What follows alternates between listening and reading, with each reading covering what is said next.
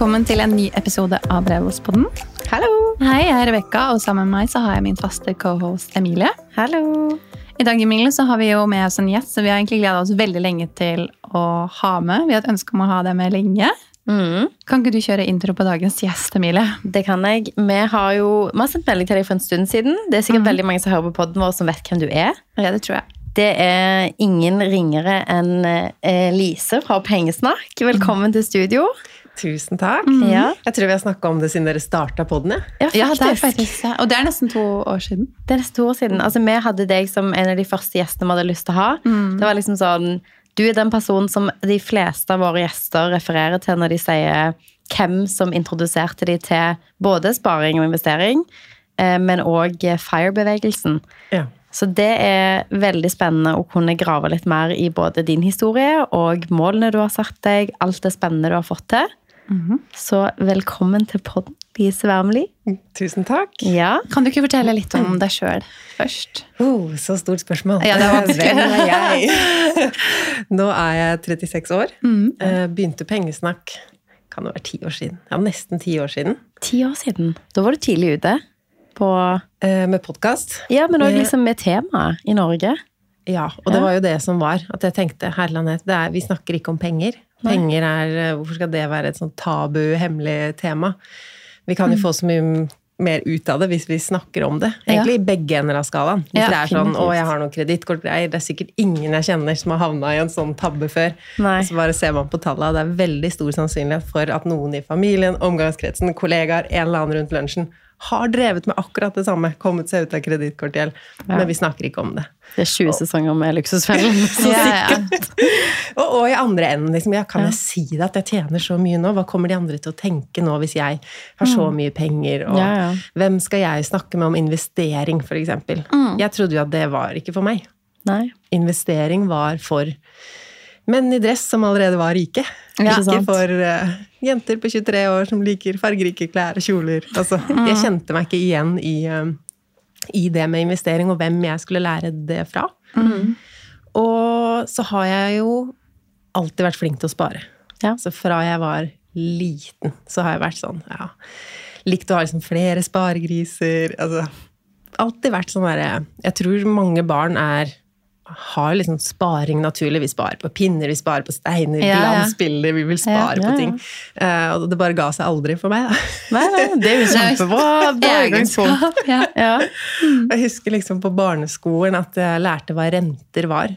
Tenkte Det var bare- tidlig. Det var læreren vår. Vi skulle på leirskole, og da skulle vi opprette sånne sparekontoer et år tidligere, hvor foreldrene da skulle putte inn litt og litt hver måned, istedenfor at det skulle bli en sånn stor sum når vi skulle på leirskole. Eh, Men så var det vi barna som åpna de der kontoene. Vi sykla til banken, jeg husker det her så godt, eh, og fikk en sånn bok i Postsparebanken hvor det sto at det var 5% rente. Okay. Jeg bare 5% rente, hva er det her? Liksom, er det 5% i uka? I år? Skal man få penger bare for å spare penger? Da klikka det liksom. Da var det Det sånn, helt Ja. genialt. Det var jo Og da visste jeg enda ikke om renters renteeffekt, og uh, at man kan få enda høyere avkastning på investeringer og sånn, men det, det var én ting. Mm. Eh, og også da mammaen min fortalte meg at huset vårt kosta én million. Ja. Den summen der. Altså, Det var jeg, mye penger. jeg, fikk 100 Det er mye kroner i, penger. jeg fikk 100 kroner i ukelønn. Så det var liksom den, eh, den summen jeg pleide å forholde meg til. En hundrelapp, kanskje ikke sånn 50-lapper i bursdagsgave. Ja, ja. Også at et hus koster én million. Det var en helt sånn, eh, det var en liten krise, rett og slett. Ja. Jeg tenkte, hvis jeg no, altså, Hvor skal jeg bo, da? Hvis jeg ikke klarer å samle opp én million? Skal jeg bo på gata? Jeg må jo ha et hus, og da måtte jeg ha en million. Jeg, jeg Det er veldig sånne fine sånne barndomstanker. eller sånne der, Jeg skjønner at man tenker på de tingene. Så Skulle ønske det koste en million nå. ja. Det var jeg glad jeg ikke visste hva huset mitt kosta nå. Ja. Men uh, jeg visste jo heller ikke om boliglån. Ikke sant? Jeg trodde jo at jeg måtte spare opp da denne millionen. million, ja. Ja. Eh, og det som er rart, er jo at jeg ikke blei helt sånn defeated. Det her går jo ikke. Jeg tenkte heller ja, hvordan skal jeg skaffe det, da? Og uh, skaffa meg en jobb. ja. Og begynte å spare. da? Hva var første jobben? Um, jeg har jo alltid, altså Hvis det var noen muligheter for å tjene penger, så var jeg der. Hvis det ja. var sånn, ja, nå På 17. mai kommer det et tivoli, og de trenger noen til å plukke søppel der hver morgen hele uka. Jeg liksom Den tar jeg. Eh, Så bra. Ja. Onkelen min lurte på ja, kanskje jeg skulle hatt en vaskedame. Og jeg bare Men jeg kan vaske! Eh, om det var noen barn som skulle trilles rundt eller passes på. Så jeg har liksom gjort alt hele tida. Det var sånn kremmer tidlig. måtte ha penger. vet du. Ja, ja. Men det skulle spares. Det skulle spares. Okay, ja. ja, ja. Jeg hadde ikke lyst på noen spesielle ting. Det Huset var første drømmen. Det er vanvittig. For er sånn, vi har jo òg samme erfaring med at både Rebekka og meg hadde jobb veldig tidlig. Men min brennende motivasjon var at jeg ønsker meg klær. Ja. Og foreldrene mine var sånn nei, nei, det, da må du jo på en måte tjene pengene dine sjøl. Og jeg jobba på, hadde masse jobber, men det var jo utelukkende motivert av forbruk. Ikke av at jeg skulle kjøpe et hus til en Ja. million. Jeg skulle ønske at det var motivasjonen. Men det er jo kjempebra. Det samme gjaldt for meg. Jeg også forbruk. Eller skulle investere og bygge vanskelig mellom to hus. Litt sånne ting. Ja, Rulletrapp opp prosjekt. bakken og også klær, da. Men vi fikk jo aldri så mye penger, så vi brukte på klær ofte. Ja. Men så du begynte jo da å spare pengene dine, og det var mindre beløp, småjobber, litt forskjellig, og så Og det var jo lenge, egentlig. Hele videregående jobba jeg på et bakeri. Ja. Sparte penger. Men så brukte jeg òg Det var jeg som kjøpte klær. Jeg kjøpte meg et videokamera husker jeg, for den første Ja. lønninga. Så nå skal jeg begynne å lage videoer. Uh, og nå er jo det morsomt å tenke på nå som jeg lager videoer Ja, på. YouTube, men den eh, videokarrieren den gangen Litt av et frampeik på det du egentlig kom til å holde på med, både penger og hus og video. Ja, faktisk. Um, ingen av mine nærmeste venner hadde en deltidsjobb. Så okay. selv om jeg sparte så mye, og la jo av halvparten, så hadde jo jeg mer penger å bruke enn noen. Så det var jo jeg som kunne kjøpe klær og sminke og hva jeg ville. Sant. Eh, så jeg følte meg jo rik. Ja. Det var du jo òg, da. I forhold til at liksom når du er videregående student, og det er ingen som jobber noe ekstra, og kanskje noen får litt lommepenger her og der, men du kunne jo faktisk være sånn Ja, jeg kan kjøpe meg det jeg har lyst til, egentlig, fordi jeg har en eh, sideinntekt på sida. Mm. Så jeg tjente vel 4000 i måneden. Det høres jo lite ut nå, men det, var Det var mye da. det var mye på den Ja. tiden. Ja, for jeg jobba jo en del, og så bodde jeg jo hjemme. Jeg hadde jo ingen regninger. Jeg hadde mitt Nei. eget kontantkort som jeg måtte betale for. da. Ja. Det husker jeg. Ja. Noen unge som hører på, kanskje ikke vet hva det er. Nei, det tror jeg det er mange som ikke vet hva er, men eh, med en gang du sa det, så var jeg sånn Det ordet har jeg ikke hørt på typ 15 år. Ja, og det var sånn hvis kontantkortet gikk tomt, så måtte man kjøpe nytt. Ja. Eller sånn samtalen røyk for du hadde ikke mer penger på kontantkort. Ja. En SMS kosta én krone. Ja. Husker du vi drev med forkortelser for å få det under 160 tegn? Ja, det husker Eller så ble det to kroner, vet du. Ja, så man hadde sånn? Det er kanskje der alt sånn telefonspråk kommer inn. og sånn. Ja, ja. Ja. Så interessen din for liksom penger og sparing begynte jo veldig tidlig. da. Det var liksom egentlig en del av det gjennom hele oppveksten og til nå. Når jeg tenker på det sånn, så var det det. Men samtidig så har jeg aldri tenkt så mye på det. Det har bare vært en sånn Naturlig. Jeg jobber, tjener penger, sparer. Ja. Og så når jeg kjøpte min leilighet nummer to i Oslo og fikk venner på besøk, og de var sånn Har du vunnet i Lotto?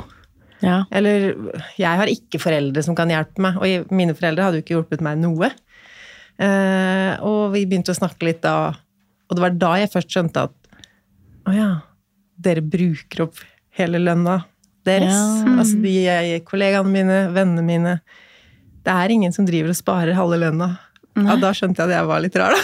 Nei, men det, altså det Jeg tror ikke man merker forskjellen i starten. Fordi når alle er nyutdanna, begynner å jobbe, så er det så lite forskjell. Alle er liksom helt i starten og sånn. Og så er man gjerne ikke Man snakker ikke så åpent om penger. Så hvis det er snakk om ok, jeg, jeg får utbetalt Jeg så du fikk utbetalt 32 000, sparte 20 eller et eller annet sånn veldig høyt. Ja. Så stor sparerate. um, Så er det gjerne ikke noe man legger merke til før man begynner å være sånn Oi, oi, ok, Lise har liksom dobbelt så stor leilighet som hun eier sjøl, enn alle andre. Eller sånn at det er da man begynner å se det. Og det er jo kanskje litt sånn som sparing føles. At du føler veldig sånn ok, jeg på en måte legger vekk noen ting nå, i nåtid, for å på en måte kunne ta ut noe større framover i tid. Og så blir det liksom utbetaling når man er sånn ok, jeg kunne kjøpe leilighet. Jeg, kunne, jeg har høy egenandel, jeg kan låne opp og kjøpe meg en hytte. Jeg kan på en måte, Det er da man begynner liksom å faktisk se det. Man ser jo ikke alle de små tinga. ikke sant? Hvis man tenker tilbake Ja, det var jeg som alltid hadde sommerjobb. Mm. Jeg var på kjølelager og jobba mens de var på stranda. Eller eh, at hvis vi var ute og drakk øl, så tok jeg kanskje en vanlig pils. da, Mens Ja. noen tok en som koster altså Det er de små og store Små tinga ja. som, eh, Ja. Uh, og man ser jo ikke alt andre ikke gjør, ikke sant. At jeg kjøpte mindre klær, eller at jeg har færre ja, reiser kanskje, mindre Ja, at det er hele tida et litt mindre forbruk, så blir det mye over tid, da. Men følte du noen ganger på det at du på en måte begrensa eh, altså sånn, I forhold til vennene dine, da, liksom, hvordan du levde, at du valgte aktivt ikke være med på ting som du sier, reise eller kjøpe ting. Følte du at du liksom mangla noe, eller at det liksom gikk på bekostning av at du skulle spare? Faktisk aldri. Nei. Men det er vel også fordi jeg alltid har tjent så mye, da. Ja. Eh, at når jeg også var liksom, på studiet, jeg hadde jo fire forskjellige jobber. Når jeg fikk min ordentlig, eh, en ordentlig fulltidsjobb, så hadde jeg en jobb ved siden av der òg. Og Ja. liksom alltid Og når man bruker mye tid på jobb, så har man jo mindre tid på å bruke penger. Mm. Og når jeg hadde min første sånn ordentlige jobb, så Da var jeg ikke helt ferdig å studere. Jeg hadde liksom pauseår og jobba. Da var jo alle vennene mine fortsatt studenter. Så da var det jo heller ikke naturlig at jeg skulle triple forbruket mitt. Vi gjorde jo de tingene Som da de fleste hadde råd til. Ja, så det var ikke sånn at de bare Nå drar vi til Paris. Sånn at jeg måtte tenke oh, skal jeg ta meg råd til det? Nei. Det var ingen som dro til Paris på shopping. Det pluss med å starte tidlig, da. Fordi at du, eh, du får ikke den livsstilsinflasjonen, eh, og fordi at man er foran de andre, som kanskje da ja, er de studenter, eller de har ikke lagt av penger til sparing, de har ikke den bufferen til å kunne gjøre de tingene, så klarer man å normalisere forbruket sitt lenger, da. Men sånn for din del, som når du da De kom på besøk til deg, den andre leiligheten du hadde, og de sa sånn 'Hæ, har du vunnet i Lotto? Hva har skjedd?' Inspirerte det først, før du starta Pengesnakk, de rundt deg, at de var sånn 'Ok, jeg òg må starte med dette her'? Jeg tenkte ikke da at jeg hadde så mye å fortelle, liksom. Nei. Eh, og så gikk det noen uker, og så fant jeg ut at eh, jeg hadde ganske høy rente på boliglånet. Ja, For den første leiligheten min var sånn lavt innskudd og høy fellesgjeld. Ok. Så der hadde ikke jeg noe med lån å gjøre, det var liksom i borettslaget. Ja. Så den leilighet nummer to var den første jeg hadde mitt eget lån på. Mhm. Og jeg tenkte vel at det var sånn med Lånekassa, at et lån er et lån, alle har den samme renta. Det er vel rettferdig og sosialdemokratisk. og sånn er det jo ikke. Nei, absolutt ikke. Uh, og da tenkte jeg, uh, hva skal jeg gjøre med dette høye renta her? Hva var renta da? Bare som et sånn eh, Oh, jeg husker ikke, jeg tror jeg fikk pruta det ned til sånn 2,6. Ok, ja. uh, Så da var det kanskje nummer tre, eller Ja, det var i hvert fall sånn jeg ringte banken med min liste med liksom ti punkter hvorfor jeg fortjente lavere rente, da, for de så jo at jeg hadde vært flink til å spare. Jeg hadde jo en leieboer i den leiligheten. Det var jo også Ja. en fordel med å Ja, ja, få den første. Ja, eh, kunne han betale litt ned på det boliglånet. Ja, jeg hadde liksom alle mine argumenter, men eh, banken var jo ikke interessert i det. De sa bare ja, vi ser jo at den renta di er høy. Den setter vi ned. Ja. Så tenkte jeg liksom etterpå at nå var jeg smart. Ja. ja, ja. Eh, Skikkelig lurt å få spart ja, hva kan det ha vært da? 12 000 kroner i året. Det Det var masse, utgjør liksom. masse Det er mye. Ja. Eh, Men så følte jeg å lurt. ja. Hvorfor visste jeg ikke det her før? Mm. Hvorfor starta jeg ikke med den renta den dagen jeg flytta inn? ja, ja. Og hvis jeg, som er spareren i omkretsen, eh, omgangskretsen, ikke veit om dette her, hvem, hvilke andre ting er det jeg ikke veit? ja. Ja. Og hvis jeg forteller videre hva jeg veit, og begynner å lære nye ting og forteller de videre på et vanlig språk um, Så da kjøpte jeg domenet pengesnakk.no og begynte å blogge om penger. Så, Så kult. gøy. Ja, jeg tror liksom Ja. sånn det der med at når det kommer til penger, så føler man seg så veldig sånn at, ah, men det er ikke, jeg kan ikke det. Jeg må, da må du være økonom for å snakke om det. Du må være eh, rik mann i dress som allerede har masse penger. Eller liksom Det å på en måte gjøre ting veldig sånn eh, Bruke vanlige ord. At Ja. man ikke bruker liksom, Man gjør ikke ting for vanskelig. Man rett og slett sier sånn Du hadde ti punkter, du, som du var klar til å gå gjennom. Du, du sikkert hadde liksom kvinner deg opp til å være sånn Ok, jeg skal gjennom alle punktene. Det er ingen som kommer forbi meg nå. Jeg skal ned i renta. Og så kommer det, og så er det sånn Punkt én, så er det sånn Ja, vi er enige, vi setter ned renta. Så er det sånn Ok. okay Det Ja. Ja, jeg har jo følt noen ganger på det at burde jeg være økonom, når jeg tør å påstå så mange ting om penger. Eh, Men jeg har jo funnet ut at det er min største styrke òg, med pengesnakk. At jeg ikke kan så mange vanskelige ord. Og når jeg skal prøve å skjønne noe, da, f.eks. hva er disse rentemøtene? Hva er det de snakker om der, og hvordan påvirker det vanlige folk? At jeg ikke intuitivt skjønner det, fordi jeg har lært om det på studiet mitt og kan bruke tolv vanskelige ord for å forklare det, men jeg skjønner det selv, og så forteller jeg det videre til de som følger meg sånn som jeg har da greid å forstå det. Ja. Eh, Ja. Og når jeg har gjester òg, hvis de kommer med et fremmedord. Sånn, jeg inviterer jo bankfolk som er kjempeflinke, Ja, ja. men så mister de oss som hører på, bare ved å si ett litt sånn vanskelig ord. Ja. Så, så, hva betyr det? «Å, En forkortelse der. Du må forklare den før vi går Ja. videre. Ja. Det tror jeg er veldig bra. Da gjør man det liksom på en måte eh, tilgjengelig for alle. Og jeg tror liksom sånn, er det ett universalt tema som virkelig alle har Altså, alle blir påvirka av det. Altså, økonomi, sine egne penger, sitt eget forbruk. Det å forstå de kreftene som er i gang, om det er enten liksom prosentpoeng på renta di, eller om det er det at du, du som eh, barneskoleelev forsto at oi, jeg får betalt for å ha en konto. At noen betaler meg penger for å sette inn penger. At du, man har en forståelse for liksom de mekanismene som kan være gasspedalen for at du virkelig får på plass sparingen din. For du har jo vært dyktig med å spare, du har hatt en høy inntekt, og så har du tatt i bruk de verktøyene som har vært tilgjengelig, om det har vært liksom å komme seg inn på boligmarkedet og leie ut, som er skattefritt, da øker man inntekten på en skattefri måte. Det å spare i fond, det å på en måte bygge sin egen bedrift, så hvor man på en måte ikke nødvendigvis har samme tak for inntekt, at da har man jo brukt alle de inngangene man kan da, for å komme seg til en mer økonomisk stabil situasjon.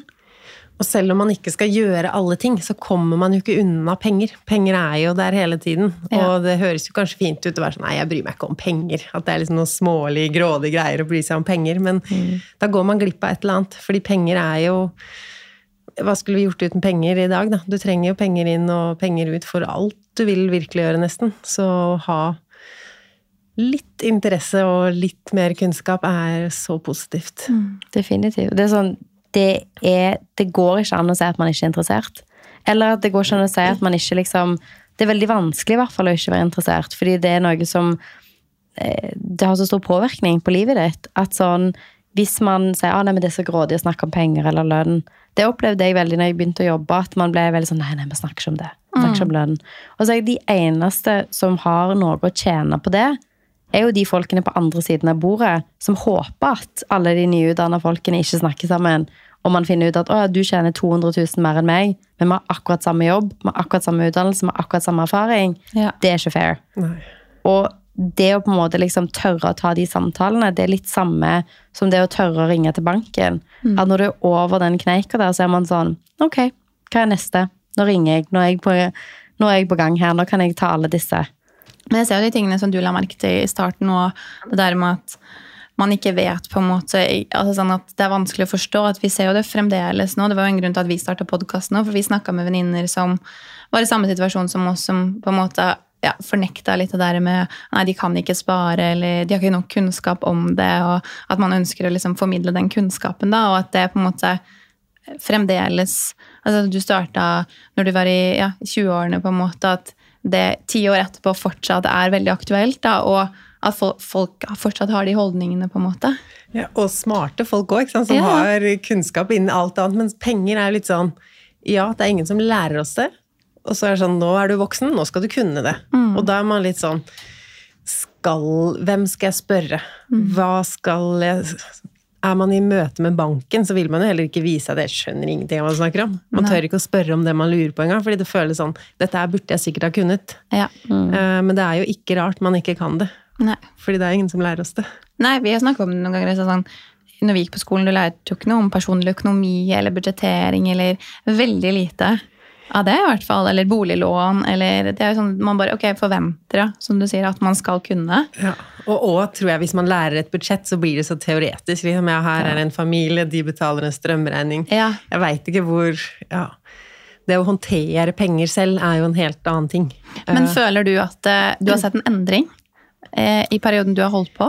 At det har blitt liksom mer greit, og at du ser at folk er mer interessert nå? Jeg syns jo veldig jeg ser det, siden Ja. 2015, når jeg starta. Eh, Så kan det jo ha litt å gjøre med at folk snakker til meg om penger nå, fordi Ja. de veit at jeg har podkasten og Ja. eh, sånn. Men jeg syns jeg ser en generell utvikling òg. Men Mm. med samfunnsendringer Bare under korona så var det jo litt sånn å, både samfunnsøkonomi og personlig økonomi, ting ble påvirka av det. Man snakka kanskje mer um, Ja, bankene har hatt kampanjer for kvinner og investering. Så jeg, syns jo det har blitt mye bedre. Mm. Men eh, det er fortsatt en vei å gå, så jeg skal ikke legge ned på den. Nei, det er jo ti nye år. Men ok, så du, du er på en måte sparer naturlig. Der tror jeg det er veldig mange som kjenner på at mm, det er ikke jeg. Nei. Eller liksom sånn at du automatisk var interessert i dette temaet. Men kom det et skift for deg når du liksom oppdaget f.eks. FIRE, da? Som på en måte er dette med økonomisk uavhengighet, og det å på en måte Ja, ok, man sparer for å ha en mer sikker og trygg økonomisk framtid, men det med å tenke sånn Hm, jeg kan faktisk erstatte veldig mye av det arbeidet jeg nå er nødt til å gjøre hver dag, med å ha en sånn sikker inntekt som jeg vet kan komme i framtiden. Ja, det var nok et skifte. Eh, Og det var jo litt den samme våren som jeg starta bloggen, i 2015. Jeg jobba jo hardt med det boliglånet. Leieboeren betalte inn, jeg betalte inn. eh, Og jeg begynte å se at eh, snart har jeg ikke noe boliglån mer. For det var jo det jeg dreiv med, å betale ned på boliglånet. Av og til så søkte jeg opp investering. Skulle jeg investert i fond? Nei, aksjer er vel skummelt. Liksom Kommer alltid ut av det igjen. Sant? Ja. Begynner å søke på det, så kommer vi til det ordet risiko. Men jeg er ikke en som tar risiko med pengene mine. Her har jeg spart fra min første lille sparegris. Jeg skal ikke gamble dette her, liksom. Nei. Jeg syns det var så skummelt, så bare ikke investere. Eh, Så tenkte jeg sånn, når boliglånet begynner å bli ferdig nå, hva skal jeg da gjøre med de 20 000 i måneden som jeg pleide å bruke på boliglånet? Hva skal jeg spare til? Eh, Og jeg var jo fornøyd der jeg bodde. Og så kom jeg over dette konseptet med FIRE. At jeg kan eh, spare til min egen pensjon. For pensjon er jo så langt unna. Det er jo nesten umulig å motivere seg for det. Hva er det Lise, 70 år, er opptatt av og skal ha penger til? Mm. Men jo mer man sparer, jo nærmere kan man dra den pensjonsalderen og ta det helt ned til 40 år, som ble mitt mål da. Det syns jeg var kjempemotiverende. Hvor gammel var du da, når du satt 40? Var du sånn 25? Eller Ja, 20? kanskje 28. Ja. Ja. Mm.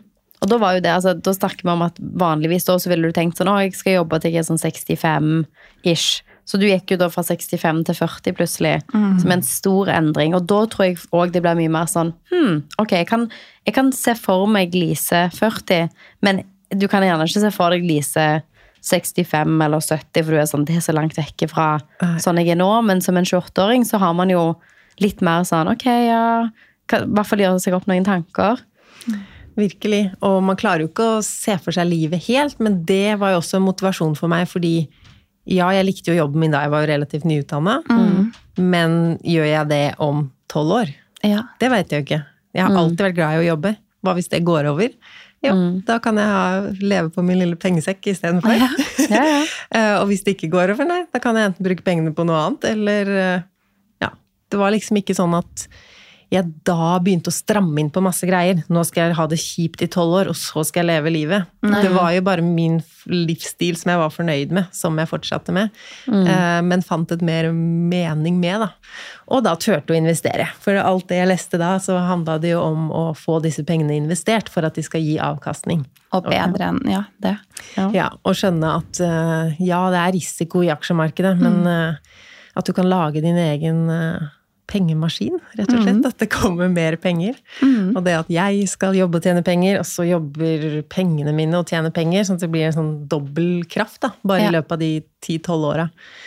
Det er så rart, fordi jeg opplever jo veldig sånn at når jeg begynte å jobbe i bank, eh, så begynte jeg liksom å lære om ok, eh, jeg har jo på en måte studert økonomi, men for meg så var det annerledes å se på personlig økonomi.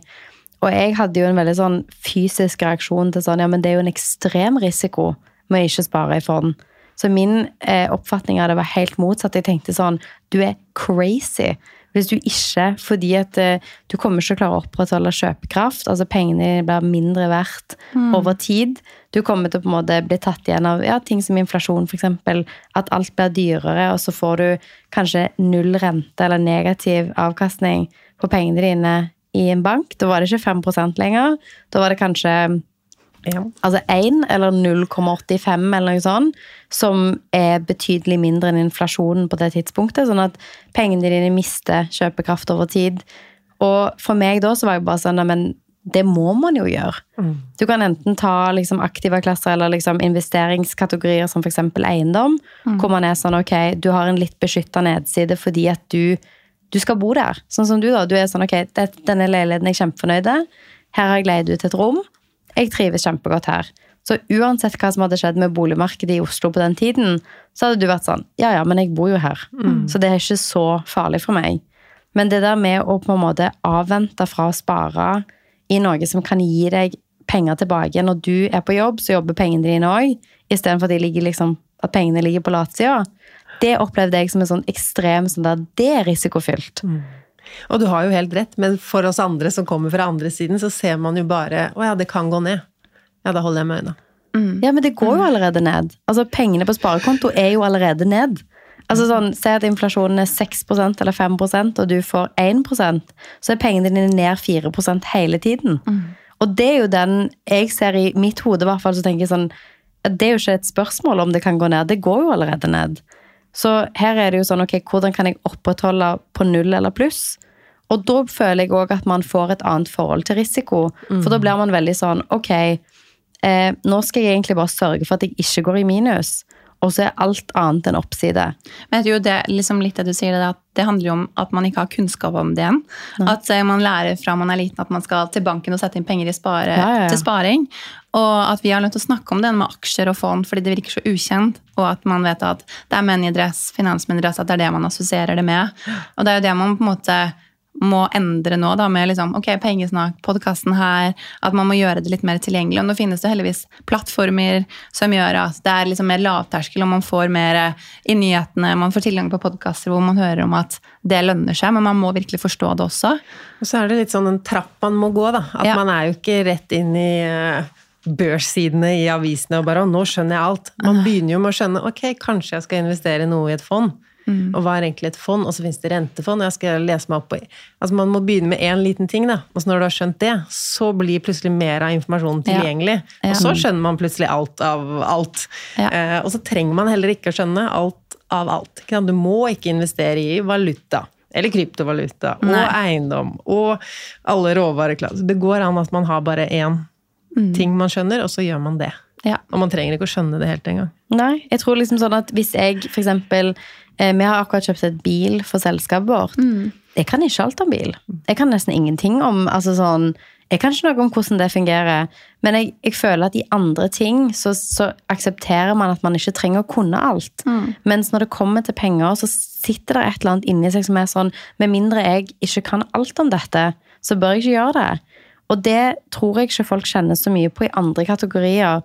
Du er ikke sånn 'Å, jeg kan ikke begynne å trene på sats', for jeg kan ikke alt om alle tingene som skjer på sats, eller hvordan kroppen reagerer på trening, eller hvor mye Altså, det går an å bare være nysgjerrig og prøve, og så lærer man underveis. Og så er man sånn at mye av det som jeg syns er kult med pengesnakk, handler jo om at du har gjort det tilgjengelig med informasjonen. Så man føler at du trenger ikke å snakke som om du jobber i finansbransjen, eller at du har masse aksjer, eller at du eh, har merkelige finansielle produkter som er superkomplekse. Du kan, det kan være helt ok å si ok, men jeg har et indeksfond. Og jeg, jeg vet ikke egentlig hva som funker der, men eh, det funker for meg. Ja. Og, jeg, og Lise 65 kom da veldig happy for det. Og så trenger man ikke å være sånn å, hva er alle tingene det fondet Hva, hva indeks føler, hva er alle de tingene som er under Altså, du trenger ikke å vite alle de tingene. Og det som jeg syns er gøy også, da, med pengesnakk Noen har jo begynt å følge meg fordi eh, Bare med garderoben. Ikke sant? En minimalistisk Ja, ja, det var ja. det de kom for. Og så plutselig, et år seinere, så har de investert i fond. Og har Så gøy! Det er veldig gøy. Å få en inngang som bare Ok, men jeg kan jo få kontroll på matbudsjettet. Mm. Ok, hva er neste? At man ikke må begynne med testamente, samboeravtale, forsikring altså Alt det vanskelige. Nei. Men at man kan liksom Ok, nå veit jeg hva jeg bruker på mat. Trenger kanskje ikke kjøpe nye klær. Jeg klarte den shoppestoppen. Hva er neste? Ok, investering. Ja, kanskje jeg skal tørre det òg. Mm. Og gjøre det til en hverdagslig greie, da, og ikke til en sånn bankverden-greie som kan virke veldig skummelt. Men nå har vi snakka litt om eh, ja, prosessen og veien og hva man har lært underveis. og sånn. Nå har du drevet på, eh, med pengesnakk en stund. Hva ser du at liksom folk kommer til deg og er mest interessert i? Er det sparing, eller er det Du har jo vært innom at du gjør veldig mange andre ting òg. F.eks. Min, altså sånn, minimalistisk garderobe. Altså sånn, gjøre noen tiltak da, sikkert for å på en måte forminske forbruk, vil jeg tro. Eh, kan du ikke fortelle litt om det? Vet du hva, folk spør om alt mulig. Ja. Virkelig alt mulig. Så i løpet av en dag så kan det være en som spør om hvor det er billigst å kjøpe bleier. Ja. Og så hvilken kryptovaluta man burde velge. og så er det liksom, ja, Hvordan var det da du slutta med sjampo? Hvordan ble håret da? Ja, altså, vi snak Snakker om ja. alle temaer. Um, så hva er det som går igjen? Én ting er kanskje sånn nå skal jeg flytte sammen med samboeren min, han har så mye, og jeg har så mye, og Ja. så skal vi, skal vi ha en egen matkonto, og hvem bør eie hvor mye? Og da er det allerede så mange tall og ting i den meldingen at jeg må bare Det kan ikke jeg svare på. Nei. Med Men dere- disclaimer, du bare sånn eh, På en måte Fremtidig avkastning er ikke det samme som historisk avkastning, og liksom sånn forbehold om x y- Du må sånn Jeg er Ja. ikke på en måte sertifisert til å snakke om at Nei. du Ja. Men nå sånn Det må du prate med samboeren din om, på en måte. Ja. Fordi det som er med penger, er at det er færre regler enn mange tenker. Og at det er ikke sånn 'Å, nå er du 28 år, da skal du bruke så mye på mat'. 'Å, du er singel, ja, da skal du bruke så og så mye på klær'. Det kommer jo an på hva du er interessert i. ikke sant? Ja, og hva som funker for deg, rett og slett. Hva funker for deg? Og Behov. noen samboere har veldig ulik inntekt, men begge mener det er fair at de skal betale like mye for å bo. Ja, da er det fair, da. Ja. Mens noen andre tjener likt, men så det var en som skrev til meg at mannen hennes spiser så mye, han trener og spiser så mye proteiner, og hun var så lita.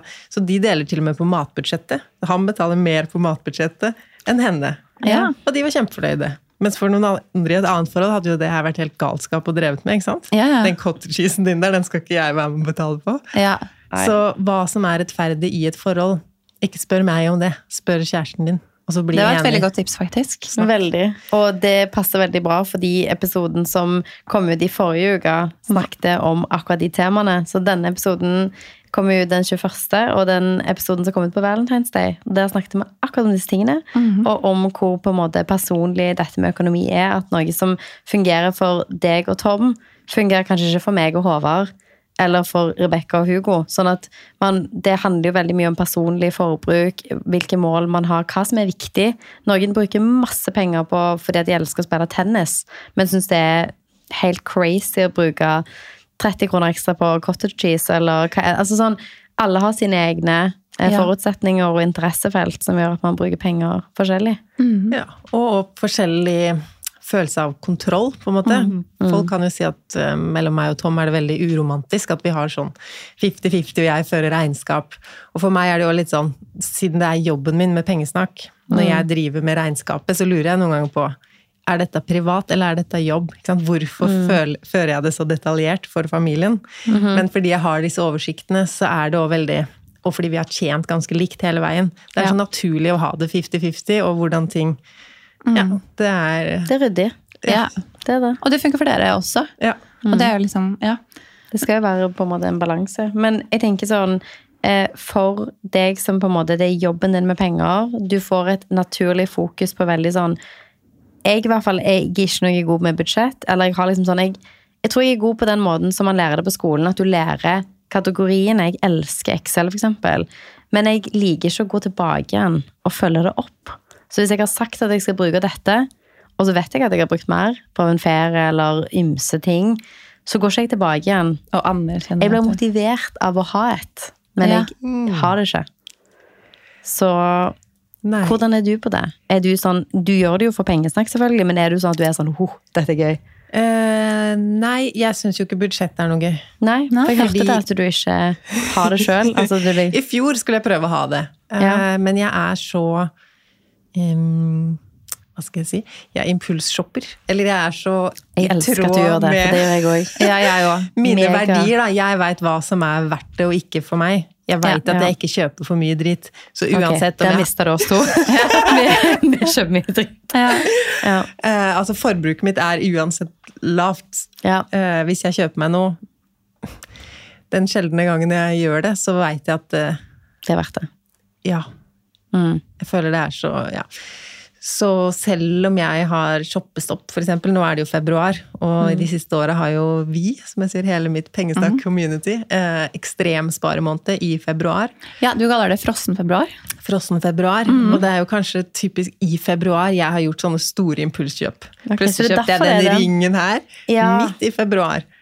Jo, jo. Så- Ja, så det er derfor det er liksom vært Kan du ikke fortelle hva frossen februar er først? For de som kanskje ikke vet det. Nei, Frossen februar det handler om å fryse forbruket sitt. Altså bruke minst mulig penger. I, jeg valgte jo februar, for det er den korteste måneden. Akkurat i år er det 29 dager, da. Nå får noen dager gratis. da. Og fordi noen har kanskje litt dårlig råd etter jul fortsatt. Januar er en sånn typisk regningsmåned, så februar Fortsatt litt kaldt ute, så mulig å spare på strømmen. Um, spise opp det man har i fryseren, få litt oversikt hjemme. Um, gjøre alle mulige små og store tiltak for å bruke mindre. Fryse abonnementer. Mm. Og så En ting er jo å spare penger den måneden. For hvis man spiser opp maten man har hjemme, ikke kjøper seg noe impulsting, eh, så blir det jo noen penger til overs som kan spares. Men òg at man finner ut hva er det nivået av forbruk som jeg er fornøyd med. da. Nå avbestilte jeg fire TV-kanaler, eksempel. Så savner jeg kanskje en av de. Ja, da har du jo spart tre kanaler hver eneste måned resten av året òg. Ja, ja. Um, eller man tenker at ja, den uh, Solo Super som var så god, at det er noe man må ha. Så kutter man det ut i februar, og så ja, kan kanskje kjøpe det i helgene, men det er ikke sånn. Jeg døde ikke uten den soloen, da. Eller sånn. Nei, nei, nei. Hvor, hva er vaner, og hva er faktisk noe jeg virkelig setter pris på å bruke pengene? Ja. Og det merker man jo da, fire uker etter, at eh, ok, nå skal jeg rett tilbake til soloen og TV-abonnementene, eller hva det nå er. da. Ja. Eh, eller om bare nei, det greide jeg meg fint uten. Da fortsetter jeg uten. Ja. Så det er jo en sånn stresstest av eh, økonomien. Um, og så veit man at det er kortvarig, da. Det er sånn Men fryser du det altså sånn helt, eller har du liksom en- et begrensa Jeg har til og med forbruk, frossa ned bankkortene mine i en boks med vann. Oi, ok, så det er fysisk frossent òg. I år har jeg ikke gjort det, faktisk. Nei. Nei. Men det er liksom sånn, ok, for det er jo Det handler jo om å skape vaner. Alt som har, altså Alle livsstilsendringer handler jo om det å komme seg inn i et modus hvor du er sånn Ok, jeg savner den ene, da. Men jeg savner ikke Netflix og HBO og TV 2, men jeg savner Disney, liksom. Da går jeg videre med det. At man på en måte kan velge og vrake litt. At du ikke føler at du Du lever ikke liksom under det du trenger, men du lever med det du trenger. Ja, men akkurat i februar kanskje under. Ikke sant? Under, For å finne ja, ja. ut hva Ja. man Og så handler det mye om planlegging òg. Mm. Og hvor mye er jeg villig til å betale for convenience? Bare sånn som å betale for parkering. Nå må Ja. man vel det nesten overalt, men i hvert fall før. Hvis man kunne parkere litt lenger unna, så slapp man å betale for parkering. Altså Når man ser på hver eneste lille transaksjon i løpet av en måned og en dag, så går det mye penger her Ja. og der. Og Ja. hva er det som kan kuttes, oh, ja. og hva er det som eh, er verdt å ha med der? Kult. Altså, jeg tror liksom det som er, er kult Jeg elsker jo at når vi har folk på podkasten her òg som vi kanskje har forskjellige filosofier rundt. Fordi nå har vi jo snakket en stund, vi er jo enige om veldig mange ting. Og vi alle her er veldig interessert i penger, i økonomi, i sparing, sparing i fond. Eh, og òg du har jo en veldig sånn naturlig interesse i det å øke inntektene dine fra du var yngre, at du hadde alltid mange jobber. Vi har jo snakket mye om på vår podkast at vi kanskje subscriber mer til den delen av at vi eh, sliter med å få redusert forbruket vårt til et nivå hvor man heller liksom gjennom de siste kanskje 10-15 årene heller har økt inntektene ganske betydelig. Og så har jeg tenkt hele tiden at når jeg fikk min første jobb, tjente 550 000 og kunne spare 12 000 i måneden, så var jeg veldig fornøyd. Og når jeg da tjente 650 så visste jeg at da kan jeg spare 10 000 til og ha det samme forbruket. Men når jeg da begynte å eksempel tjene penger på sosiale medier, begynte med flipping, så visste jeg at alt jeg tjener i de eh, kategoriene der, kan jeg liksom 50-50 splitte. Jeg kan ta 50% til forbruk, og så kan jeg ta 50 til sparing. For hvis du har gjort en flipp og tjent en halv million, så vet jeg at ok, da kan jeg spare 400 av de, så kan jeg legge 50 til buffer siden jeg er ansatt av meg sjøl, og så kan jeg eh, kjøpe noe. Eh, eller bruke det på en ferie, eller gave, eller jeg skal i et bryllup, eller man skal Altså, da vet jeg at jeg har til de tingene som kanskje er litt sånn ekstravagant, da. Tingene som jeg kanskje savner litt når jeg er i det sparemiljøet, at jeg ser veldig mange som snakker om begrensninger. Og som òg er liksom Jeg tror at alle har det i seg å begrense økonomien sin. Men jeg syns òg det er kult at det er nyanser i de stemmene. At ikke alle på en måte har de samme ambisjonene om å kutte ned. At det handler om f.eks. kaffen ute eller parkeringen eller de tingene. Og det kan det når du prøver å avdekke hva er viktig for meg. Men at det òg kan være liksom nyanser rundt at de som ikke kjenner seg igjen i det, kan òg kjenne seg igjen i den der med den andre siden av deg, da, som er sånn ok, hadde en fulltidsjobb, fikk en ekstrajobb, leide ut et rom. Da har du liksom tre inntektskilder automatisk. Så velger du om du har lyst til å spare den ene inntektskilden, bruke den andre og spare den tredje.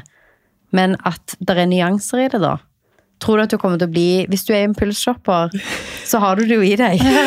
Kan vi få deg til the dark side med meg og Rebekka? Uh, nei, jeg er nok Nei. Team Spare. Ja. Uh, fordi jeg også tenker at Altså ja. Selv så øker jeg jo inntektene mine, og det vil jeg jo at eh, de som hører på meg skal gjøre òg. Fordi med å øke inntektene, så er det jo ikke noe tak. Nei. Men når du sparer og sparer, til slutt så kommer du til et minimum. Du kan ikke leve på mindre. Mens oppsiden på å tjene mer er jo uendelig. Ja. Men så er det ikke nødvendig å jobbe og tjene masse penger hvis du ikke trenger så mye penger. Så jeg er jo opptatt av, hvert hvis man skal gå en slags reise, da, at man først er litt innom sparesiden for å få avdekke hva slags forbruk er det jeg har behov for. Kan jeg tette alle hulla før jeg skrur på krana for fullt? For å finne ut og kanskje er det mer tid jeg vil ha. Jeg vil ikke bruke all min ledige tid for å generere inntekt, fordi de pengene bruker jeg på å kjøpe ting som jeg nå trenger fordi jeg er så sliten, for jeg jobber så mye. Jeg tenker Det er et veldig godt poeng som jeg tror Veldig. veldig, mange glemmer. At ok, men jeg, jeg kan jo jobbe så mye, og så kjører de seg selv så hardt. da. At eh, Hva er det verdt det da, hvis man på en måte jobber seg i hjel? rett og slett? sånn, nå, Hvis jeg tjener en million, Ja. da kan jeg jo ikke bo sånn her lenger. Det er klart jeg må ha en større leilighet. Men så Ja. jobber du så mye med å bare tjene penger til å fylle den leiligheten med ting, men så har du ikke tid til å være der, for du må jo tjene mer. Og så, nei, da må jeg i hvert fall reise på en ferie, for jeg orker ikke det her. Og den ferien må jo være en ordentlig luksusferie, for det har jeg nå i hvert fall fortjent. Og jeg jobber og tjener så mye. Er det den spiralen du vil være i, og er det egentlig forbruk som gjør oss lykkelige? Eller kan man finne en annen ro og tilfredshet i Så man må først finne det, og så kan man finne Ja, jeg digger hvis det er luksusbiler og reiser og klokker, hvis du veit at det er der jeg ser verdi, og det er der Ja. jeg har lyst til å være, så kjør på. Men det er jo et kult perspektiv, fordi eh, for oss så handler det jo veldig mye om tid. Det handler jo om å kjøpe seg tiden sin tilbake igjen. Så ofte når vi snakker om å jobbe mer, så snakker vi jo ofte om å jobbe smartere. Ja. At for oss har det betydd å ansette et team, sånn at ikke alle jobbene som kommer inn i våre selskaper er ting meg og Rebekka personlig trenger å utføre. Det handler om å få regnskapsførere og økonomiansvarlige. Det handler om å drive Ja. med utleie som er passivt. Det handler om å investere i fond eller å kjøpe eierandeler av selskaper. At eh, For oss så har det ikke vært synkront med at vi jobber mer, men at vi tenker liksom Ok, jeg vet hva jeg trenger for at mitt liv skal eh, føles på en måte bra, og at jeg har balansen jeg trenger. Så vet jeg at jeg er glad i å jobbe. Men så har jeg òg lyst til at Beckert, som er vårt selskap, eller AER, som òg er vårt selskap, skal ha ingen tak. Men da vet jeg at da kan ikke det være kun meg og Rebekka. For da er vi liksom bundet til at jeg har bare 24 timer, Rebekka har bare 24 timer. Vi har òg lyst til å kunne ha podkast, kunne drive med sosiale medier, kunne gjøre de andre prosjektene vi har. Så for oss så har jo det vært elementært at vi er sånn Vi vil bygge opp noe som fungerer uten oss òg. Sånn at ikke vi sitter der og er sånn shit, ok, det går dritbra med Levels, men vi er nødt til å være i podkaststudio eh, døgnet rundt, skal jeg til å si, spille inn annonser og holde på. Og det er òg derfor vi har moderne medier. For å kunne på en måte ha et sted, booke studio, ha en um, som kan klippe, en produsent, og at man legger vekk noen av de tingene som ja, det koster penger å legge det vekk, men det gjør at oppsiden din er mye høyere. Jeg vet at du hadde en episode med eh, Ida Jackson på din podkast som jeg syns var kanskje en av de beste episodene jeg har hørt av en podcast. Jeg syns det var dritkult. Eh, med det der med å For din del, du har et enkeltmannsforetak. Har du tenkt på det med at sånn, ok, du er jo én person, og du har en begrensning på hvor mange videoer du klarer å lage, hvor mange episoder, hvor mange innlegg. Har du tenkt på å bygge ut et team, sånn at pengesnakk kan bli større uten at Lise trenger å jobbe mer? Det som er med pengesnakk, er jo at det er veldig mitt ansikt og min stemme. Bokstavelig talt òg. Men jeg har jo et team. Uten at det er mitt AS. Ja. Så er det jo nå i år eh, så er vi jo syv stykker faktisk som jobber med pengesnakk. Ja, Eh, og noen av de er jo her på Moderne Media. Og Ja. alle er jenter. Det liker Ja, jeg godt. det er Det er veldig gøy. Det Ja, det er veldig kult. klipper episodene og er lydmann, holdt jeg på å si. da. Uh, er damemanageren min, koordinatoren min. Og så har jeg jo fotografen min, Kristine. Mhm. Og så har jeg en annen Kristine som klipper reels, som jeg filmer jo i studio. Kult. Eh, og som også hører gjennom episodene, så jeg ikke må bruke en time på å høre gjennom, finne ut ah, akkurat det sitatet vil jeg ha ut. Ja, for det er- tar jo veldig lang tid igjen. Ja, så- jeg husker jeg hosta. Hvor var det jeg hosta? som jeg hører igjen? Så bare, ok, Klipp ut der etter 30 sekunder. Ja. Det gjør hun. Eh, og så har jeg en eh, Send nummeret til, til oss. For jeg gjør det for oss akkurat nå. Ja. Ja. eh, og så har jeg en som, eh, når jeg lager kurs, som hjelper meg med litt sånn designting. Ja. For jeg er jo glad i å gi oppgaver og hjemmelekser, men ikke til å få det til å se pent ut på et ark. Ja, ja. Så det er det en annen som gjør, og som hjelper meg inn i et sånn webportalgreier. Men det er veldig, da har man jo gjort veldig mye med å outsource de tingene man kanskje ikke nødvendigvis er så god på selv, eller liker å gjøre. Mm. Eh, og spare på en måte, jobbe smart da. Ja. Så jeg har jo vært også sånn skal, Hva skal jeg gjøre med pengesnakk? For det var jo ikke meningen at pengesnakk skulle være jobben min. i det hele tatt. Jeg skulle jo bare skrive litt om penger på internett. Ja. Og så plutselig var det fulltidsjobben Happy min. accident. Og så ble det liksom sånn. Eh, og så har jeg tenkt, hva skal jeg gjøre? Skal det være min egen greie som dør med meg, da? Eller skal jeg lage liksom et pengesnakk, headquarters, vi skal kjøre ut med events og liksom Og så er det ikke det jeg vil. Nei. Fordi jeg er opptatt av å ha egentlig minst mulig stress og oppgaver og det som er fint med de som jobber for meg, enten i managementet her, eller som jeg ansetter da bare for Ja, da skal du klippe de her fire filmene for meg. Og så er ikke jeg ansvarlig hvis eh, selskapet mitt går dårlig, jeg får ingen oppdrag, det er ikke noe Ja. mer penger inn, så har ikke jeg lønningsliste for syv Til alle. personer. Er Jeg tror det er et veldig godt poeng. Jeg tror det er veldig mange som tenker med Hvis man starter sin egen greie og sin egen bedrift, sånn som vi har gjort, ok, nå skal vi bli størst og best og gjøre mest mulig. Men det kan jo også bite deg litt i rumpa noen ganger. Altså, vi har jo følt litt på å liksom, ta mye risiko. Eh, du sitter med veldig mye sånn ansvar.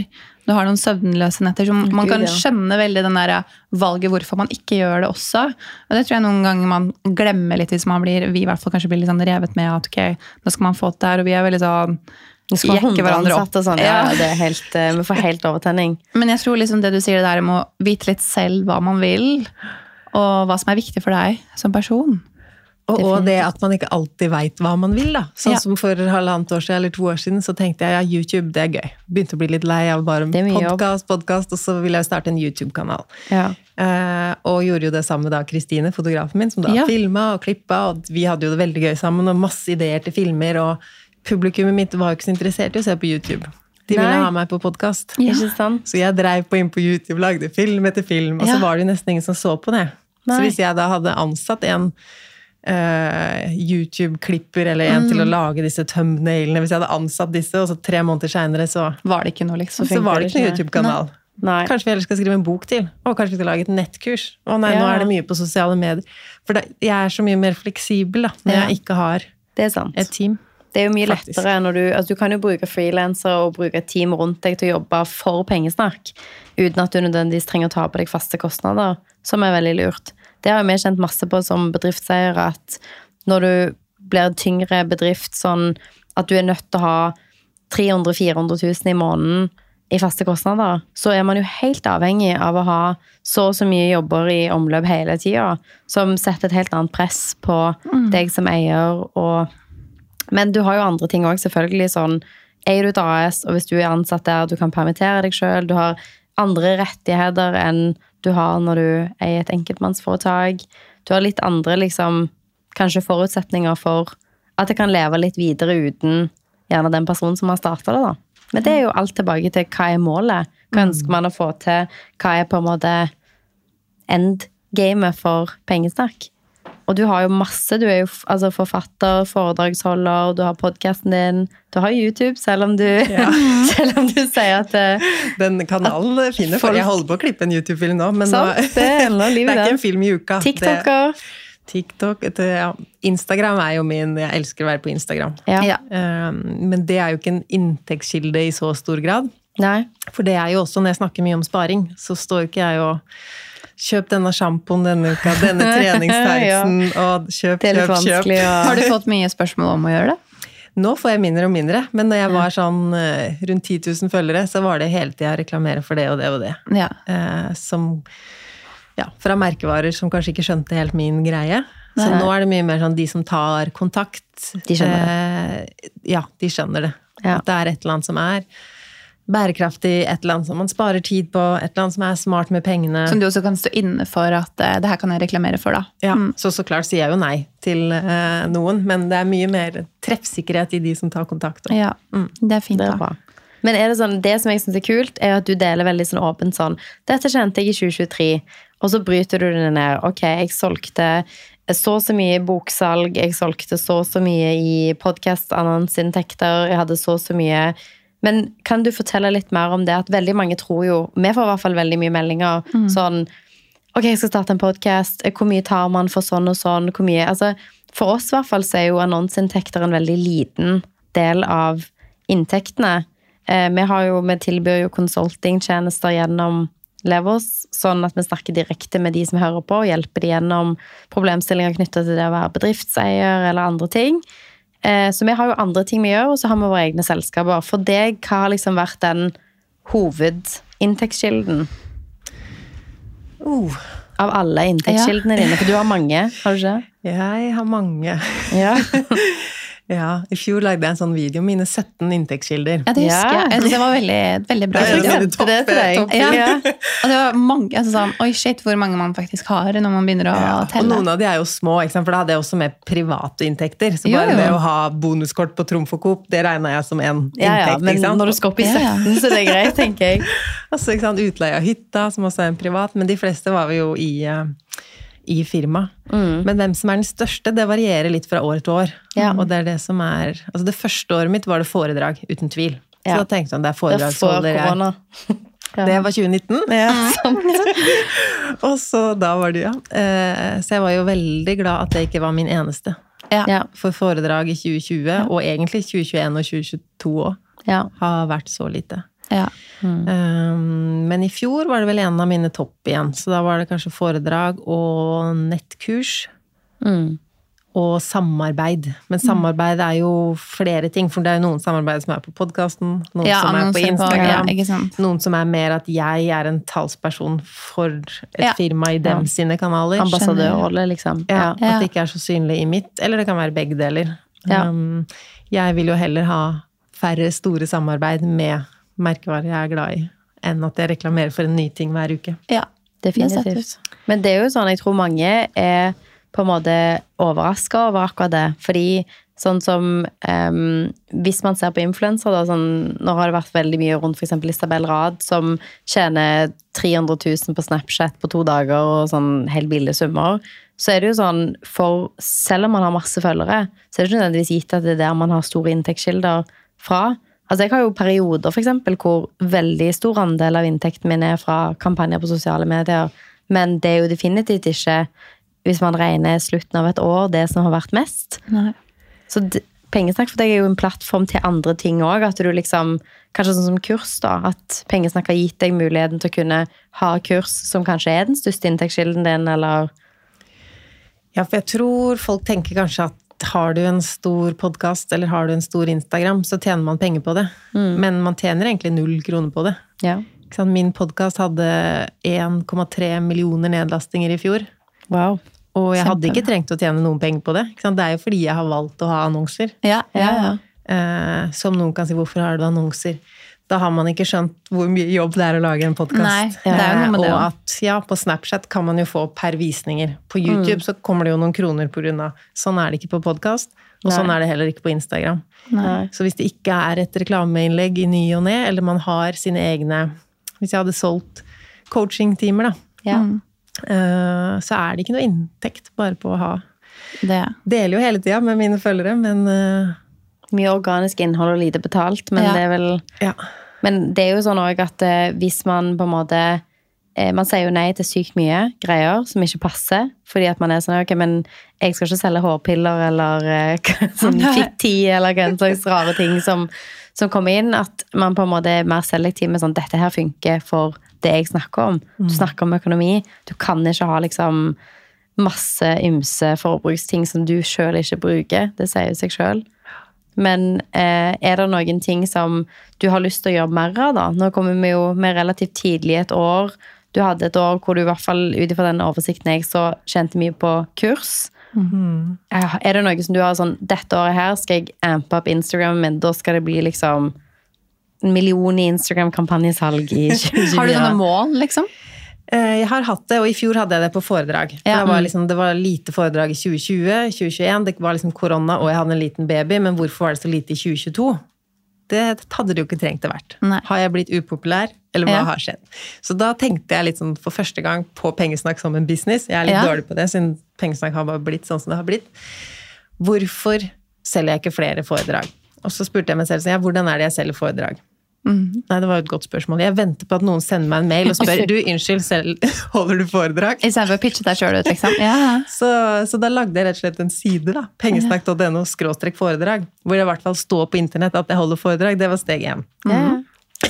Og så sendte jeg et mailer til noen jeg hadde avtalt foredrag med under korona, som ikke blei noe av. Eller yeah. vi hadde holdt for i 2019. Har dere behov for en foredragsholder? Og når jeg var på foredrag, så delte jeg mer om det. For at det skulle være synlig på LinkedIn og sånn at jeg er Ja, ja. en foredragsholder. Um, og egentlig bare å ha den nettsiden har jo gjort at jeg har fått henvendelser ja, igjen, og mye mer foredrag. Så ja. Så gøy. Ja. Det er jo kjempebra at det, det fungerer. Og man må jo liksom jobbe litt proaktivt noen ganger også. Det, det har vi også sett oss at okay, i perioder så kommer det veldig naturlig, og så er det perioder som er stille. så bare sånn, Ok, shit, nå må vi på en måte ut og pitche oss selv litt inn, da. Ja. Om det er et av selskapene våre, eller ok, hva vil vi gjøre? Fordi det, noen ganger så kommer det inn, men man må jo ofte jobbe litt for det. Ja, jeg har nok vært veldig bortskjemt og ikke jobba så mye for noe. Siden jeg tenkte jo aldri at det skulle bli en business, ikke sant. Men syns du det er uh, ubehagelig, eller syns du det er greit? For jeg føler at noen har litt sånn her, åh, skal jeg ut og selge meg sjøl? Sånn her, hvert fall hvis ikke tenker på det som en business. For jeg tror, ok, det er ikke, det er ikke jeg, du selger deg sjøl på en måte, merkevaren pengesnakk, men det er jo deg. Det er veldig personlig, men selvfølgelig at vi kan gå ut og selge en tjeneste vi leverer, som ok, vi, vi jobber med det, men det er en del av veldig mye annet, da. Hva føler du om det? Eh, Jeg syns jo f.eks. det er lettere å diskutere pris når det er de som har spurt meg. Ja. Eh, Og Men du har jo spurt- spurt de fordi at du tenker at du kan gi verdi til de. Det er jo òg en tjeneste til de å si sånn hei, dette er en superfit for deg. Jeg skjønner, jeg skjønner jo Jeg skjønner det, jeg skjønner hvorfor. jeg bare- Det er vanskelig. Skyt inn, men okay, så Hvis de har spurt deg, da er du sånn Ok, nå skal du høre. Ja. Dette er prisen. Det koster det det koster. Det koster det det koster. Ja. Men er det liksom når du har vært mer proaktiv sjøl, da?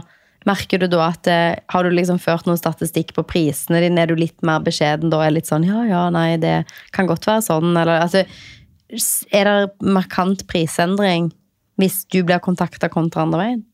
Eh, nei, og det er jo mest at jeg blir kontakta. Så forskjellen Ja. er mer at jeg lagde den siden og det kontaktskjemaet. Her kan du bookes. Og hver gang jeg har holdt et foredrag, så spør jeg, enten hvis det er noen jeg har snakka med i publikum etterpå, eller Ja. de som booka meg, kan du sende meg noen setninger om hvordan det var?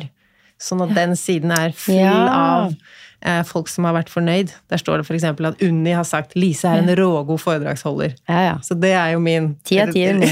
Ja, det. Unni støtter. Ja. Eh, Men og andre, ikke sant? og da ser man jo å, har du vært i Larviksbanken nå, har du vært i Romsdalsbanken, altså har du vært overalt, og alle virker fornøyde, er jo det en bedre reklame enn at jeg sier jeg er så flink å snakke om penger, kan jeg komme til dere? Ja, Eh, absolutt. Men føler du òg at sånn, fordi at du snakker om penger og sparing, så er det jo nesten enda viktigere at du på en måte forhandler på dine egne både liksom hva det koster av foredrag, kampanjer på Instagram, at man tar seg betalt. Jeg merker jo at veldig mange i den bransjen som jeg er i, er veldig sånn glad for å være der, hvis du skjønner. Ja. Sånn at jeg har blitt spurt, og det har jo du òg, blitt spurt om f.eks. å komme og snakke på kvinnedager og sånn. Eh, om eh, Jeg husker jeg ble bedt en gang om å ha et innlegg for en relativt stor aktør eh, om eh, forhandling på lønn. Eh, på eh, Det var ikke kvinnedag, men det var relatert til det. Eh, men det var ikke betalt. Og da var jeg sånn Skjønner du ironien i dette, eller liksom, trenger, vil du at jeg skal forklare deg det? Eh, det går ikke, liksom. Det er helt uaktuelt. Og på en måte det å på en måte sette noen grenser for sånn Ja, man snakker om disse tingene, men det er ikke fordi at det er gøy. Det er òg fordi at dette er min jobb. Dette er her jeg skal hente pensjonen min fra. Det er her jeg skal lønne Ja. samarbeidspartnere, frilansere, de folkene som er for, Altså alle de som du da ansetter gjennom engasjementet rundt pengesnakk. At det er en seriøs greie. Ja. 100 Og jeg takker jo nei. Eh, når, ja, kvinnearrangementer er jo det man typisk blir bedt om å snakke gratis på, så det er jo sett Å, ironisk. jeg ble så rasende over det. Ja. Ja. Jo, men vi fremmer jo også deg. Altså, det er bare sånn, hva, hva skal man svare? Dere fremmer meg, jeg gjør en jobb for dere. Er Jeg er den som drar kanskje publikum til deres arrangement, eller løfter. Ja, så det er jeg helt uh, klar på. Ja. Uh, så det er ikke noe vanskelig å si nei, men Nei. det er rart å tenke at de tenker at det koster ingenting. Ja. Og så er det kanskje også aktører som er vant med å hyre inn bankfolk, eller at noen er der i regi av noe som er reklame for dem, på en måte. Ja. Ja. Ja. Men for meg som jobber som foredragsholder, hvis jeg holder foredrag gratis, da har jeg jo undergravd min egen business veldig. Ja, da. ja. Definitivt. Så jeg har en, en um, Bibliotek er billigere. Annet Ja, enn det så har det jeg ingen unntak. Det synes jeg er greit. Jeg føler det bør være noen ting som er sånn Ok, dette her er Og noen ganger så er man jo engasjert, sant? Det er jo eh, definitivt ting jeg òg kunne vært sånn Jeg kunne snakke gratis i mange dager om dette. Eh, og noen har, man har noen hjertesaker hvor man er sånn Dette har jeg lyst til å gjøre uansett. Men det å undergrave prisen sin når man skal snakke om noe som er profesjonelt, enten om det er liksom ditt virke, da, som det handler om sparing. Det handler om å sette seg opp for en god og trygg økonomisk framtid. Hvis du gjør det for Sparebanken 1 gratis, så er det veldig kjipt. Ja. Um, men òg liksom sånn, jeg ser det på Instagram-kampanjer òg. Folk som tar kontakt og så er man veldig sånn Ja, har du lyst på dette gratis? Så er det sånn Nei. Eh, ikke fordi at man ikke Det er jo et flott produkt, kanskje. Men som en profil så må du òg eh, skatte av den fordelen man har fått. Man må liksom Du skal jo ikke gå i et negativt, en negativ økonomisk situasjon for å gi reklame for andre sin positive vinning eller kommersiell interesse, på en måte. Og tidsbruken i det òg. Én ting er jo om du mottar en ting, men bare det å lage det innholdet som skal passe til en brief, så skal det godkjennes, og man kanskje endre ordlyden. Ja, ja. Inn i studio, ta det på nytt. Ja. Ja. Det er mye mer involvert i å lage et reklameinnlegg enn hva folk tror, tror jeg. Ja. Men vi har vært litt sånn inne på det med sparing og sånn også nå, eh, og at du er flink til å spare. Eh, For de som kanskje ikke helt vet hvor de skal begynne, og liksom hverdagslige tips til hvordan liksom man kan ja, begrense forbruket sitt, spare. Hva er liksom tiltak du har gjort? Du deler veldig mye på profilen din, så jeg anbefaler jo alle å gå inn og sjekke litt sånn, okay, hvordan man kan spare på badet, eksempel, eller det er veldig fin post. Eh, Men har du noen sånne sånn, ok, det her er veldig sånn hacks som er litt sånn supre? Jeg ville jo begynt med abonnementer og faste kostnader. Fordi de er hver eneste måned. Så er det så verdt det. Selv om det er sånn, ja, det var 99 kroner for den Pilates-appen, og det var 169 for den TV-kanalen. Det er små summer, men fordi de kommer igjen og igjen hver er måned, så er det så verdt å bare Kutt ut. en gang for alle gå gjennom kontoutskriften for februar eller for januar og se hvem er det som har sugerør inn i bankkontoen min og tar De tar bare litt hver, men når det blir mange eh, Og det er jo flere og flere tjenester som er abonnementsbaserte. Eh, kanskje ta den jobben med å skal jeg ha både sånn Google Drive og Dropbox og skylagring for Ja, ja. mange gigabyte på alle de her. Oi, nå trenger du det kjente jeg meg igjen Skal man samle bildene på én, Ja, eller? sånn en terabyte på Apple Cloud og Ja. ja. Og de trekka som går gjennom Apple, og hvilke apper er det som egentlig går der på betaling? Er det noe som kan eh, Og også å se ut fra seg selv, da. Det er jo jeg veldig opptatt av. Og ikke sånn 'Å, jeg bruker så mye på mat'. Ja, men du er glad i mat. Du liker å gå på restaurant. ja.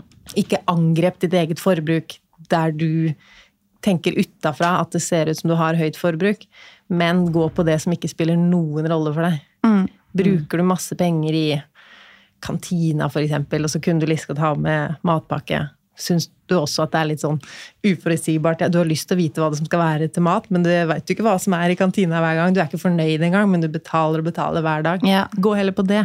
Gå på noe som enten irriterer deg, eller som ikke gir deg noe verdi. Ja. For eksempel det å betale for mye på boliglånet. Mm. Eller ha en strømleverandør som koster altfor mye. Ja. Du får akkurat like bra strøm om du bytter til en billigere. Ja. Og boliglånet, de kronene, er jo bare kroner. Så det er ikke noe merverdi i å ha et dyrt boliglån. Nei. Eh, Så gå på det før du tar eh, kinobillettene, hvis du er veldig glad i å gå på kino. Ja. Det er veldig gode tips, da. Ja. Har du ett til? Sånn på tampen av episoden, liksom sånn gullkornene som folk Oi, kan ta med seg? Sånn, hva bør man liksom Du, har jo, du hadde jo nylig et, eh, en episode med litt sånn Du er veldig god på tips. Du er veldig sånn Ok, her er liksom fast Disse tingene kan du gjøre nå. Og jeg elsker det der med på en måte tingene som Jeg kjenner meg i hvert fall veldig igjen på det. Jeg har masse sånn strømmetjenester og ting. Så tok jeg bare en runde på det, så jeg sånn, vet hva, jeg trenger ikke den, den, den og den. Så har jeg jo begynt med noen av de igjen. Men jeg har fått vekk mange som jeg har sagt, jeg bruker ikke den. Nei. Og det er helt fine. Det begrenser jo ikke livskvaliteten min i det hele tatt. For jeg brukte den jo aldri. Sånn er det liksom Du er veldig på dette med gjenbruk, dette med nå er det frossen februar, men sånn bruke Finn, sjekke der før man liksom kjøper noe nytt. Ja, både ut og inn. Én Ja. En ting er når man skal kjøpe seg noe nytt, men òg alt det man har kjøpt av bomkjøp Ja, eller selv. midlertidige kjøp. Jeg har jo to barn og skal ikke ha flere babyer, så alt av eh, ting som de vokser fra, går jo rett ut på Finn. Ja. Selv Eh, 100.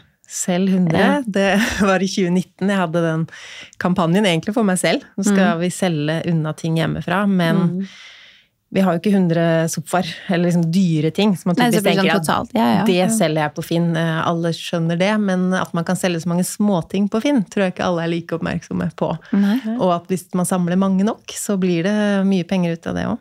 Hvor mye tjente du på å selge 100? Nå har jeg gjort det flere ganger, og det blir ca. 40 000 i året. Det er jo kjempebra. Det er mye. Så da er det jo noen store ting. ikke sant? Plutselig mannen min solgte golfsettet sitt, det var 4000. Men mye av det er 200-lapp. Ja. Jo, men det er Og så er det gøy å se de som kommer og henter ting som man ikke er interessert i, så blir de glad for det. Ja. den kameraveska her passer perfekt. Så ser Så at får de man jo litt sånn Ok, du kaster det ikke bare eller blir kvitt av det, for det, er sånn, det tar mye plass, men det får mer, man har mye mer god samvittighet også. Virkelig. Jeg får alltid bedre samvittighet av å donere klærne mine til Fretex enn om jeg kaster det, for eksempel. Så tenker sånn, okay, forhåpentligvis, da. Definitivt. Ja. Og så er det noe med å at det er jo en stor jobb. Skal du Ja. bare lage 100 annonser på Finn, det er jo en kjempeprosess. Ja, Eh, Men så gjør du det i løpet av et år, men da lærer du også litt av det, tenker jeg da. At når du veit hvor mye jobb det er å kvitte seg med ting, så tenker man seg litt bedre om før man tar inn masse nytt òg. Er. Og man blir oppmerksom på hvor mye rart som fins på Finn. Altså Ja. Tenk hva vi har gøy. solgt, liksom. Rareste ting. Og så hva man da får tak i. Man blir mer sånn inn i den økonomien. Og det Vi- sparer man jo på. Vi hadde en liten runde før jul hvor vi, vi har hatt et stort lager på 650 kvadrat med masse sånn gamle eventting og dekor og diverse ting. Og da var det jeg som hadde den jobben da, å legge ting på Finn. Og jeg la ut masse. det. Helt rå. Eh, og det var sånn de hotteste tinga som gikk, var en fake høne. Ja, den Et var det. elggevir. Det var, det var så mange rare Det var det ting. futt i. Det var mange som ville ha den høna. Ja. Og det Det var var brukt på liksom sånn Farmen, eller, eller det var en eller annen innspilling det var brukt ja. på. Og så gamle Ja. sånne tønner. Det var veldig hot. Ja, de var fra Farmen. Ja, så det var liksom de eh, rareste tingene, men alt gikk, altså. Ja, man veit ikke hva, ja, hva som blir Noen ting tenker man jo den her kommer folk til, og så er det ingen. Da har man sånn- kanskje lagt prisen for høyt. Og så Vi la ut et sånt isbor fra garasjen. Hva er det? Det var så mange som var interessert i det isboret. Ja. Man vet aldri hva man Men det er sikkert har. sånne ting som er dyrt å kjøpe nytt, ikke sant? Og så kan man kjøpe det brukt til en billigere penge, og så, ja. Ja. Det er gode tips. Jeg blir litt inspirert og ta noen bilder og, ja. og få ting ut på Finn. Men det var uansett veldig veldig kjekt å høre mer om din reise. Du er en superkul dame som har fått til så mye forskjellig. Ja, veldig fin inspirasjon. Eh, Absolutt. Vi elsker å høre på podden. Ja. Takk for det. Yes, Vi gleder oss til ti nye år med, med pengesnakk. Ja. Det blir bra. Tusen takk for at du var med oss i studio, og så gleder vi oss eh, masse til å snakke mer med dere i neste uke. Mhm. Ha det! Ha det! Ha det!